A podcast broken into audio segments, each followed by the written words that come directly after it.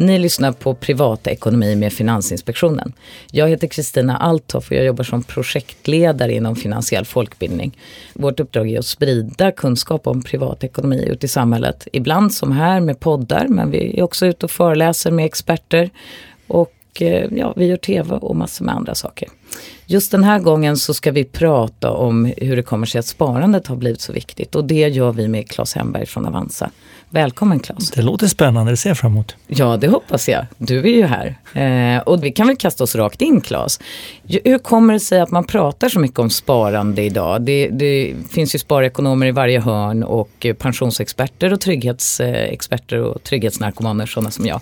Så varför pratar vi så mycket om sparande? Jag tror jag har talat om sparande pengar egentligen alltid, men lite själv, själva ordet har varierat. När min farfar var bonde, då talade man om hur mycket råg man hade. Mm. För det var liksom ekonomi på den tiden.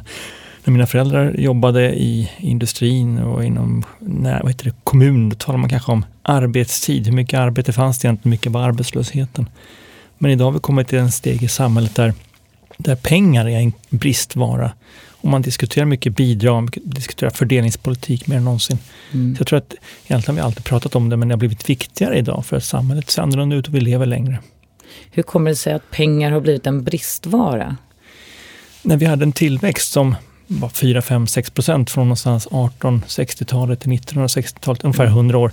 Då mådde vi som kineserna gör idag. Allting blir alltid bättre. Man mm. får alltid fler bilar och man lever längre och barnen får bättre utbildning. Men ehm, de senaste egentligen 40 åren så har vi inte haft den utvecklingen i Sverige, snarare tvärtom. Vi har backat tillbaka och fått en ut utveckling som är mindre. Tillväxten är lägre, vi talar om tillväxt kanske på 1-2 procent per år. Och det är att ekonomin inte är lika dynamisk. Vi är lite mer, inte ålderdomshem, men lite grann mer mogen ekonomi, inte lika snabbfotade. Mm. Så för att dumma ner det till, till min nivå då tänker jag att när vi pratar om en tillväxt på 1-2% så kan man tänka sig att en krona idag är inte så fasligt mycket mer om 10 år och inte så himla mycket mer om 100 år heller. Nej, jag brukar tänka att det tar en krona, att, att dubbla dess värde tar, om du har 7% tillväxt så mm. tar det 10 år. Men okay. om du har en krona och bara en procent tillväxt som vi kanske har just nu så kommer det ta ja, 60-70 år. Så det, de här små procenten gör väldigt stor skillnad. Det tror jag inte vanligt folk förstår eller ser. För man tänker bara på att hur mycket räcker min lön till? Hur många pizzor eller hur många mm. backar läsk? Och då tänker jag att det som, jag är ju född på 70-talet, så det som mina föräldrar upp, upplevde i min ålder, det är ju inte alls något jag kan dra lärdom av till min privatekonomi idag, utan vi är under en helt ny Eh, typ av eh, verklighet. Absolut, när jag var ung så talade man om slit och slängsamhället. Det tror jag inte man gör längre, men det är egentligen det vi borde fortsätta tala om. Mm. För hur mycket köper vi och vad använder vi pengarna till? Eftersom du har mindre pengar egentligen att röra oss med, så flexibiliteten är sämre, så borde vi lägga mer tid på att diskutera hur, hur använder vi pengarna och kanske det här hållbarhetstänket vi diskuterar idag är en del av den utvecklingen. Så vi inte bara är klimatvänliga, vi är även plånboksvänliga. Mm. Och nu pratar ju du och jag med varandra som att det här med att man ska spara är någon slags självklarhet. Och det tänker jag att vi, vi kanske ska fundera kring. Eh, vad är det, varför då, Claes, är det så viktigt att jag samlar pengar i någon slags hög inför framtiden? Är det någonting där som skiljer liksom livet idag ifrån livet igår? Jag tror att min farfar Assar, han sa en bonde då för hundra år sedan, han kunde ju se att ju mer han satte på åkern, ju mer fick han i, i ladan. Och då kunde han se sin ekonomi. Men idag så är det svårare, inte bara för att man har pengarna på kort, utan för att ekonomin är så mycket större. Vi påverkas av Kina, vi påverkas av räntan i USA. Och hela den samspelet är svårare att överblicka. Så därför tror jag att, att vi glömmer bort våra pengar. Eh, sen så vet vi att idag lever vi så mycket längre. Och det stökar till det på ett sätt som man kanske inte heller tänker. Man tycker bara det är kul att leva längre, men egentligen måste man då spara mer för att ha pengarna under alla de här åren som vi sen ska leva efter 65. Som min farfar kanske jobbade 80 procent av sitt liv, så dagens barn kanske kommer jobba bara 40 procent av sitt liv, hälften så mycket. Och då måste vi egentligen spara dubbelt så mycket för att ha råd att leva som pensionärer. Och det är väl det som egentligen debatten handlar mest om. Hur ska vi få pengar när vi inte jobbar? Så om vi kokar ihop det så kan man säga så här, idag så har vi inte samma tillväxt som vi hade igår. Vilket gör att vi måste liksom spara mer hängivet och det är det, därför du säger att pengar är en bristvara. Vi måste bygga pengar själva genom ett sparande. Ja, och de pengar vi får trots allt från lön och annat mm. måste vi ta mer hand om. Vi kan inte köpa en ny bil så fort vi har pengar på kontot. Vi måste kanske se om de växa lite grann innan vi köper bilen. Även om mm. vi ens behöver bil, kan åka tåg. Och nummer två är då att vi egentligen, man kan säga att vårt arbetsliv ska vi känna ihop som dubbla löner. Vi ska känna ihop till den lönen vi lever på idag när vi jobbar. Men också en lön som ska räcka ungefär lika lång tid i, i framtiden efter vi har gått i pension. Och det där har ju samhället, Grovt räknat. Ja, men absolut, ja. och det har ju samhället tagit höjd för lite grann. Sedan 50-talet har vi pensioner, pensionsdebatt som aldrig förr. Och tjänstepensioner har vi haft kanske i 30 år. Mm. De flesta har pensioner, så att man sparar innan man jobbar.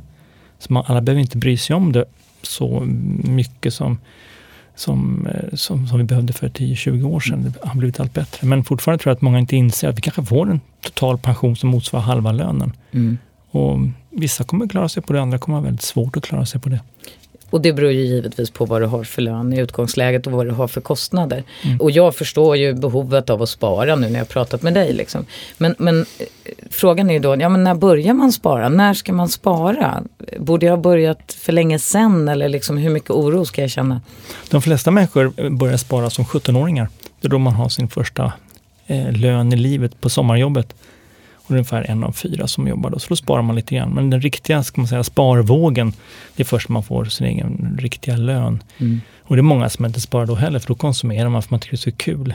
Men det är kanske först vid 55 som man faktiskt har råd att spara för att man har så stora utgifter. När barnen kommer vid 30 års ålder så ser vi hur ekonomin egentligen går mer och mer på minus fram till någonstans 48-49 års ålder. Mm. Så det är först vid 55 som man är på plus och känner att nu har jag grepp om utgifterna och har en bra lön och så vidare. Så då kanske man kan spara 10-15% av lönen. Men, men visst är det så ändå, om vi backar tillbaka, att ju tidigare du kan spara, desto bättre är det för att få ge pengarna tid att växa. Men samtidigt har vi kollektivavtalade ofta pensioner, eller tjänstepensioner, som gör att många sparar även om de inte tänker på det.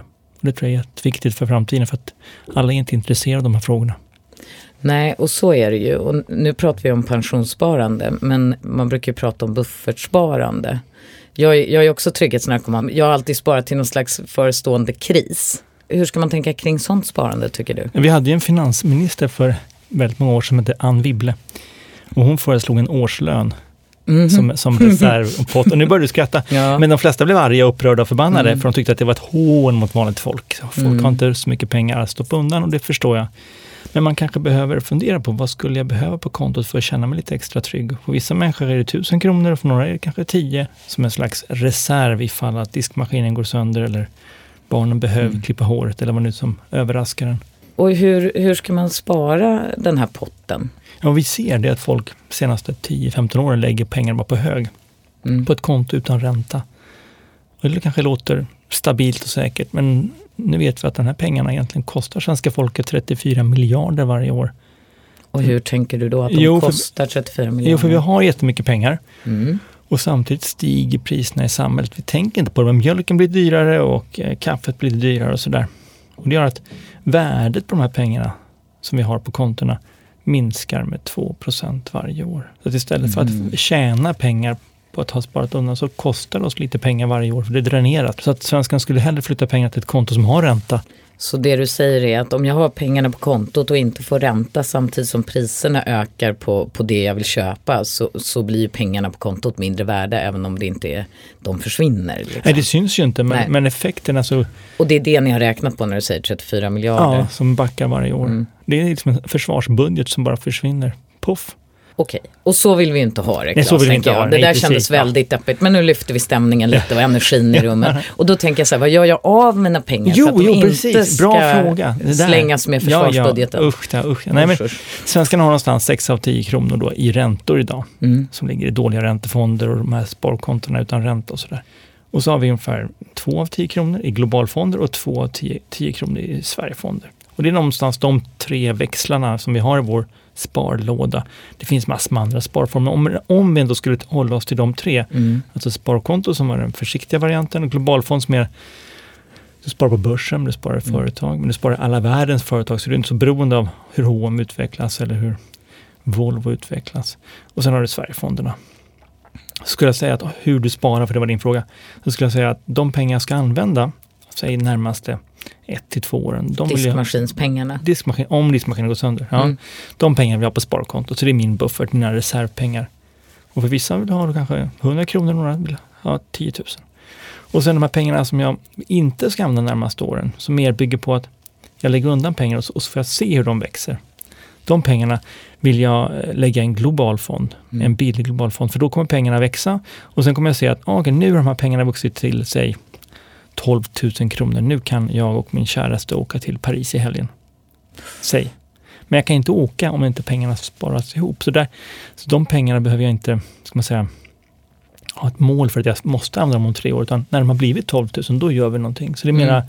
någonting som får växa och till slut bli användbart. Mm.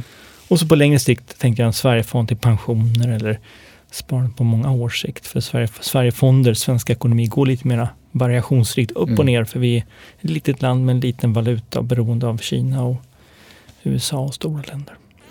Så det skulle egentligen, den där Sverigefonden som är då på lång sikt, jag mm. tänker pension eller liksom mm. barnsparande eller eh, en hängivet sparande kanske mot en bostad eller vad det än månde vara. Det, det, det, du säger är att Sverige har lite högre risk så det skulle kunna vara något annat med någon likvärdig risk. Det behöver inte vara just en Sverigefond. Jag sa inte ordet risk för då tänker folk att man klättrar upp en brant vägg utan säkerhetslina och det är inte en Sverigefond. Nej, Sverige... en som rör sig lite mer upp och ner. Ja, precis. Det varierar lite mer i pris. Men jag tror att Sveriges ekonomi finns kvar om både 10 och 20 år. Mm. Så att jag är inte så orolig för Nej. min pension. Men visst, Nej. det kan vara en tillväxtfond, det kan vara en Europafond eller något annat som mm. växer bra. Och jag kan ibland tycka när man tittar på fonder att det, det är ju som en, det är massor med ord. Aktivt förvaltade eller passivt förvaltade. Och så brukar man höra indexfonder mm. också. Mm. För det första, vad skiljer de här? Vad, vad skiljer de olika fonderna åt om man tittar på hur de är förvaltningen då? Som också är ett svårt ord i och för sig. Men om vi bara först tittar på en slags överblick. Mm. Så skulle jag säga att nio av tio svenskar skulle kunna välja bara efter prislappen, lågprisfonder. Mm. Och strunta i varför de är billigare, eller vilka index de följer exakt och hur de är konstruerade och hur aktiv del det är. Det finns mycket detaljer. Det är ungefär som man köper en bil så köper man någonting som man vill åka med till sommarstället. Mm. Några köper bil för att de vill veta att den har fyra cylindrar. Nu talar jag om innehållet i motorn. Mm. Och några vill veta hur mycket koldioxid de släpper ut och sådär. Men man behöver inte veta det när man köper en bil eller man köper en fond. Och det är väl det jag menar. Köp mm. en lågprisfond så är du hemma. Du talar om aktiva och passiva fonder. Det handlar mm. om hur den förvaltas. Alltså den som har hand om fonden. Hur, mm. hur, är den vaken dygnet runt och letar efter säga, det bästa möjliga att stoppa in i den här fonden, som då är aktier oftast. Eller en person som bara låter fonden få växa med den, säga, den ekonomi som den följer, om det är Sverige, eller Europa eller världen. Så ser vi att, att de som bara låter fonden växa, de klarar sig väldigt, väldigt bra. Till en billig prislapp. De som vill vara aktiva och försöker, de misslyckas ofta. Det är väldigt få av dem som verkligen lyckas. Och därför så säger jag att ska du välja en fond som har en, en aktiv vaken dygnet runt-förvaltare så måste du själv också vara aktiv. Inte vaken dygnet runt, men du måste i alla fall se en, en gång om året, ta honom eller henne i örat och se, slår du, in, slår du snittet idag? Eller är det bättre än de andra? Annars ska du ha de billiga fonderna. Nio av tio fonder som, som säga, försöker vara bäst i klassen, de misslyckas. Det är bara en som vinner Tour de France och en som vinner av de här på börsen också. Mm. Så sammantaget så är det, titta på prislappen Eh, köp det som är billigt. Och när det gäller fonder som jag uppfattar dig så är det ju inte så att det är ingenting som är att bara därför att det är dyrt så är det bättre kvalitet. Det kan vara det, men det vet vi inte. Men satsar man på det billiga så kommer man hamna mitt i klungan och det är ju gott nog så. Man kommer från punkt A till punkt B på ett värdigt sätt. Ja men precis, det det och, och, och håller ner prislappen. Det ser vi i forskningen eller i AP-fonderna att prislappen är väldigt viktigt. Att staten har förstått det men privatpersoner har inte förstått det. Idag är det bara en av åtta kronor vi sparar som vi har i lågprisfonder. Mm. Så att mycket pengar ligger på dyra adresser. Tyvärr. Och om man pratar vidare med din metafor då, Tour mm. de France, Jaha. så tänker jag att vill du vinna Tour de France, då är det precis så att du måste träna, du måste fundera och du måste tänka kring det. Du kan inte vin, liksom ligga i sänghalmen i ett år och tro att du ska vinna Tour de France. Det går liksom inte. Så att om du nu vill ha, vara med och vinna loppet, då måste du också vara aktiv för mm. att vinna loppet. Och det är det som är så skrämmande, att eh, nio av tio svenskar har valt de här aktiva fonderna och sen struntat i dem. Mm. Så man har köpt en cykel köpt gul tröja men man vägrar cykla. Ja, och då kanske det är bättre att bara ta den där Bussen. bussen. Exakt. Och åka Ja, med. Ja, Så att bussfonder är liksom bäst för de flesta av oss som Mm. inte har ambitionen att vinna loppet. Ja men absolut, och det- jag, jag tror att eh, det, det sakta men säkert kommer in hos allt fler svenskar, men än så länge har tyvärr de flesta inte upptäckt det. Och sen när man väl då, vi har bestämt oss för att vi tar bussfonden eller vi ska vinna loppet. Det beror ju på ve- vem jag är som person. Jag vet ju hur jag själv är. Jag gillar nog bussen i mångt och mycket. Men ibland kan väl kanske rycka ut på cykeln. Ja, men gör det bara med små pengar i så fall. Om Ja. du nu är nyfiken på en Indienfond, ta bara med en krona, alltså en procent av ditt sparande och prova den här Indienfonden så att du inte plötsligt lägger hela pensionen där, för då kanske det blir väl häftigt. Men, men sen när jag väl har bestämt mig då för vad jag ska ha för typ av fonder och hur jag ska köpa dem så finns det ju, där kommer ju nästa problem med massor med eh, konstiga ord och förkortningar. För att då, jag måste ju stoppa de pengarna och fonderna någonstans. Depåförsäkring, depå, fondkonto, fonddepå, ISK, kapitalförsäkring, Pensionsförsäkring. pensionsförsäkring, tjänstepensionsförsäkring. Vad, så här, vad är det som gäller? Vad är det jag ska fokusera på? Det finns ju många, som du säger, namn på de här kontona och det är ju finansbranschen som har haft väldigt mycket uppfinnarlåda under många herrans år. Och det gamla sparformen är ju fondkonto och det fungerade förr. Men nu har vi kommit på att det är lättare kanske med ett- det här kontot ISK som du nämnde i början. Fördelen med det är att du inte har någon skatt när du tar ut pengarna. Du har inte någon, några inlåsningar, inga avgifter, utan man har gjort en skatt som är jämn. En jämn skatt på 0,4 procent, vilket är jättelågt. År efter år efter år. Och ja. den är även om jag får utdelningar, om jag skulle ha aktier där i eller fonder, vad som än händer så är det samma skatt på, på säcken kan man Just säga. det, så dina hm aktier dina fonder som, som har bra tillväxt, de passar bra där. Säg aktiefonder, globalfonder som jag var inne på tidigare, de passar bra där. Men inte räntefonder, för räntefonder ger så lite så de kan lika bra vara, vara kvar på gamla, ditt gamla fondkonto. Men iskontot passar, skulle jag säga, för absolut merparten av svenskarnas sparande. Och när du säger att de passar bättre på det här gamla kontot så är det därför att om man har en skatt på, på hela säcken och så får man inte så mycket i ränta på räntefonderna helt enkelt Mm. så kanske skatten urholkar själva pengarna som finns i säcken. Ja, de flesta räntefonder ger kanske bara 1% idag Ja. och skatten 0,4 äter ju upp väldigt mycket. Mm. Medan en globalfond kanske ger 5-6 och då är 0,4 mycket, mycket mindre. Så att aktiefonder på det nya kontot och låter räntefonderna vara kvar. Så, så skulle du göra. Mm. Jag får ofta frågan, vad gör du med gamla fondpengar och hur tänker du på nysparande? Och tänker jag själv, hade jag en Sverigefond, en gammal mm, fondkonto någonstans, så skulle jag flytta över den till ISK-konto för att ett, jag får lägre skatt, men också när jag väl flyttar så kan jag byta till en billig fond istället. Och just den kombinationen ser jag, när jag räknar på att det tar några år, så är jag ikapp. kapp. Då har jag liksom lönat sig att flytta över. Och allt mitt nya sparande, som då är de här nya pengarna jag stoppar in, de väljer jag absolut på ISK-konto för där vill jag ha låg skatt och just den här flexibiliteten att inte sitta fast med dyra eh, kontoavgifter eller uttagsavgifter. Så även om man har fått lite avkastning på det man har i den här gammaldagsa fondkontot så kan det vara värt att flytta över både för att se över liksom vad du har för fond och sen också att du faktiskt framledes kommer betala mindre skatt om du ligger på ISK-kontot jämfört med den gamla fondförsäkringen. Jag också tänker på, jag ofta hör människor som har just gamla skatter och säger men jag vill inte använda pengar för det blir så mycket skatt. Istället för att ha dem på ISK-konto och kunna ta ut och använda dem när de vill och inte behöva tänka på skatt längre för skatten Mm. den, den, den lö- är löpande. Jag ser också människor som har ISK-konto, de är mer intresserade av sina pengar och kanske också tittar att har jag verkligen rätt fond? Och har jag en aktivt förvaltad fond, sköter den sig, ja då säljer jag oftare om jag har den på ISK-konto. Jag säljer inte alls lika ofta om jag har på fondkonto, så man blir lite tror jag, hemmablind på gamla fondkonton. Spana in vad man har helt enkelt Mm. men nysparande försök att ligga på det som har bäst skatt. Helt enkelt. Och ibland får vi höra om kapitalförsäkringar i det här sammanhanget. Det är kanske Mm. bra att nämna, för kapitalförsäkringar har funnits i någonstans 20 år. Och de har fungerat på samma sätt, att de har en jämn skatt. Det låter ju bra, men de har ofta varannat, varannan kapitalförsäkring har uttagsavgift och även årlig avgift.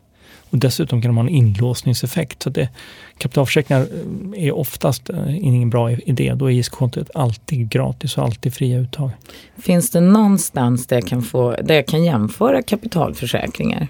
Finns det något bra ställe att titta vad det är för avgifter på de olika? Det bästa är väl att fråga när man är på banken. Har ni mm. några avgifter och uttagsavgifter och sånt? Men konsumenternas.se där kan du in och jämföra och se, få hela överblicken. Så upptäcker du att oj vad många som var dyra.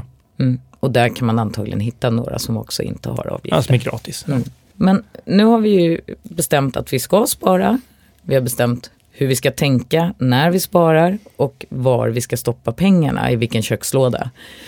Men var hittar jag pengarna att spara? Har du några tankar kring det? De finns ju i, i vardagen faktiskt. Det kanske man inte inser, men när man sitter och ökar sin konsumtion år efter år, för man får lite högre lön förhoppningsvis, så går också mer och mer pengar till konsumtion. Det är den vanligaste vägen. Tittar man på forskningen så säger de det, det är den här lilla löneökningen du får på 200 kronor eller 300 kronor per år, det är där som du har störst möjlighet att liksom skapa ett, ett, sparande. Så kanske spara hälften av löneökningen nästa gång du får löneökning och kanske öka på med 50 kronor i månaden eller 50 kronor per kvartal tills du når en sparnivå som du själv känner dig nöjd med. Men det, det här var ändå som säga, småtrixet för att komma igång tror jag. Men det mm. finns en stor, stor pott som heter bolån. Och där har svenska folket genom årtionden betalat väldigt mycket pengar. Vi betalar någonstans, det handlar om 10, 10 000 lappar per år bara för att få låna sina pengar för att kunna äga sitt boende. På Finansinspektionens faktiskt hemsida, varje kvartal rapporteras hur mm. mycket vinstmarginalen är för bolånebankerna. Och den har ökat från 0,2 procent till 1,73 nu senast. Sen är det upp tio gånger på tio år. Så att även om räntorna har gått ner så tjänar bankerna jättemycket pengar. Och det säger till mig att gå och pruta på bolånet. Mm. Men räntan är så låg kanske vanligt folk säger. Ja, men mm. du kan tjäna lätt 10 000 kronor per år. En halv månadslön bara att ringa runt till några banker. Så att där finns ju mycket pengar att hämta som du sen kan välja att spara eller välja att amortera eller välja någonting annat med. Mm. Och då när du pratar så, så, så tänker jag, då kommer vi in på att, att eh, sparandet, det är någonting du hittar i hela din ekonomi. Man får titta på hela privatekonomin, både på lånesidan och på, på sparandesidan och på liksom vad man tjänar och vad det kostar. För att se var, var kan jag hitta utrymmet att spara om jag inte sparar idag. Och sen kan man också gå till arbetsgivaren och säga att man vill spara undan lite mer av lönen. Alltså höja sin tjänstepensionssparande. Det kan mm. också, skattetekniskt kan det vara en fördel att, att ta ut säga, sparande innan man får lön. Det är ett typ av sparande men där vill jag ju lägga in ett litet tips då om att man ska passa på så man inte hamnar under 41 000 kronor när man gör den lilla besparingen. För då växlar man bort en del av socialförsäkringssystemet i form av föräldrapeng och, och så vidare. Så pass på, det är en bra tips men fundera på vad ni har för inkomst innan ni gör det. det. Det är bra. Mm. Men du Claes, alla som kommer hit så pratar vi om de bästa och sämsta investeringarna de har gjort i sitt liv. Och nu har vi ju pratat om liksom alla, du vet ju hur man tänker med bra investeringar och hur man passar sig för de dåliga. Så men jag är ändå lite nyfiken, jag tänker din, vi kan väl börja med din sämsta investering? Det på vad man menar med investering förstås, men jag kommer ihåg en gång jag är 18-19 år och ska på någon, någon stort kalas och, och upptäcker att de på den lokala klädaffären har en vit eh, kostym som är nedsatt 70 procent. kostar bara 250 kronor eller 500, någonstans, några hundralappar kostar den och det var ju inga pengar, det var ju så billigt. Och jag springer och köper den och cyklar hem. Och när jag kommer hem och vet om att jag inte har någon bytesrätt på den här billiga kostymen så upptäcker jag att den är för stor. Jag har köpt en medium, för jag trodde jag var medium, men jag är inte det. Jag är mycket mindre. Så jag står där och inser att den här kan jag inte ha på mig och den använder jag aldrig. Nej. Och det var den, ett dåligt köp kan man ja, säga. Och det satte bara... så stor tagg i dig att du fortfarande kommer ihåg det. Ja, ja absolut. Jag har aldrig, aldrig använt den. Alltså, vit kostym för några hundralappar. Det, jag tycker ändå du har klarat det ganska bra när det gäller dåliga investeringar. Om det är liksom din största, det du tänker på. Ja, men jag tror att tidigt i livet så lär du dig saker som du bär med dig. Mm. Som jag idag skulle göra en dålig affär som kanske var tio gånger större i kronor räknat så mm. skulle inte jag kanske lära mig lika mycket av den idag för att idag är jag så avtrubbad. Mm. Ja, eller så lärde du dig med kostymen och eh, därför så gör du inte de där stora misstagen idag. Jo, men jag gör misstag idag också, absolut. Men, men de, de där tidiga tror jag gav större resultat eller effekt. Mm. Din bästa investering, är det något du har gjort idag som avtrubbad eller är det också där bak vid 18-årsåldern? En sak som jag inte kanske förstod då, det var att när jag var väldigt liten, 11-12 år, så började jag springa. långdistanslöpning, nörd, nörderi. Och det tror jag är den bästa investeringen jag gjort för det är väldigt avkopplande och jag mår, mår bra av det. Och eh, eh jag inbillar mig att jag inte hade överlevt eh, om jag inte hade fått springa så mycket som jag gjort. Nej, det är en bra investering, både för den mentala hälsan tänker jag och eh, den fysiska. Ja, ja och sen ja. önskar jag att alla andra hittar en motsvarande. Om det är simma eller gå på lina eller mm. spela squash, jag vet inte. Men hitta sin grej tror jag är värd full investering. Att hitta sin grej, det är bra avslutande ord. Jag tackar för att du kom hit Claes. Kul att vara här.